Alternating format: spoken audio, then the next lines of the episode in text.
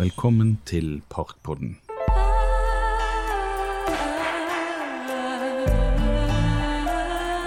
Men vi, vi, vi er jo akkurat nå der hvor den store såkalte vannkunsten, en fontene, sto fram til 1960-årene. Det var en gave fra konsul Børs til, til parken da den ble åpna. Og den, den, var jo veldig flott. Den som er der nå er jo veldig liten. Men jeg tror det skal være snakk om at de skal forsøke å gjenskape den store vannkunsten fra åpningen.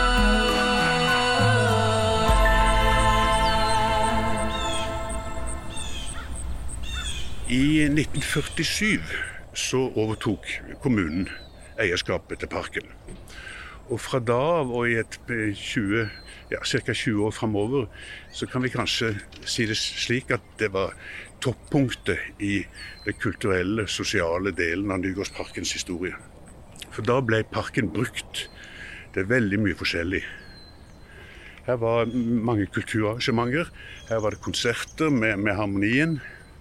Her var det store show med Rolf Kirkvåg, som jo var en kjent radiomann på, på, på den tiden der. Og, og, og vi, vi, har jo bilder med titusener av mennesker som var og, og, hørte på de forskjellige arrangementene der. Og dette må jo også ses i sammenheng med eh, idrettsplassen, altså Møhlenpris idrettsplass. For da, da, var det flere store arrangementer som foregikk der og i, og i parken. Og jeg har et fabelaktig klipp fra Bergens Tidende her i 1961. For da var nemlig rockestjernen Cliff Richard i Bergen. Og da skrev Bergens Tidende. Da Bergen i august 1961 fikk besøk av det engelske popidolet Cliff Richard, ble Møhlenpris idrettsplass tatt i bruk som rockearena. Men det kommer aldri til å skje igjen, var klar beskjed fra politiet, som måtte gripe inn og avbryte den ville seansen.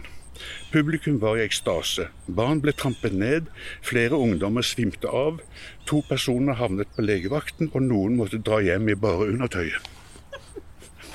Og så, og så eh, var det idrettsarrangementer. Og de mest spektakulære var vel kanskje det som skjedde i 1961, 62 og 63.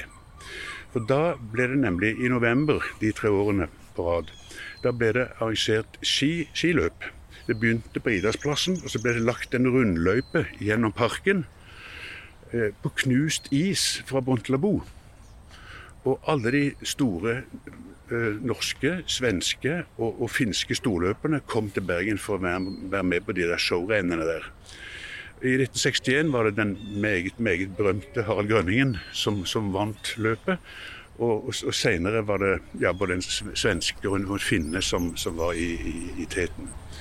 Og det, det, det, fortelles jo at i, siste gang det ble arrangert, i 1963, så var det nærmere 10 000 mennesker som kransa løypene her inne i parken. Og også, også andre arrangementer har, har, det vært her. I år 2000 så ble Norgesmesterskapet i parkorientering holdt her i Nygårdsparken. Også det samarbeid mellom idrettsplassen og Nygårdsparken. Så, eh, så parken var, var, virkelig i bruk de tiårene der, fra, si fra, fra ca. 1950 og fram til 1970. Og, og da, da, må man jo selvfølgelig også tenke på at dette var jo en tid hvor altså Grieghallen var ikke kommet ennå. Eh, Koengen var ikke tatt i bruk som utearena, så da var Nygårdsparken et passende sted for, for sånne store kulturelle og idrettslige arrangementer.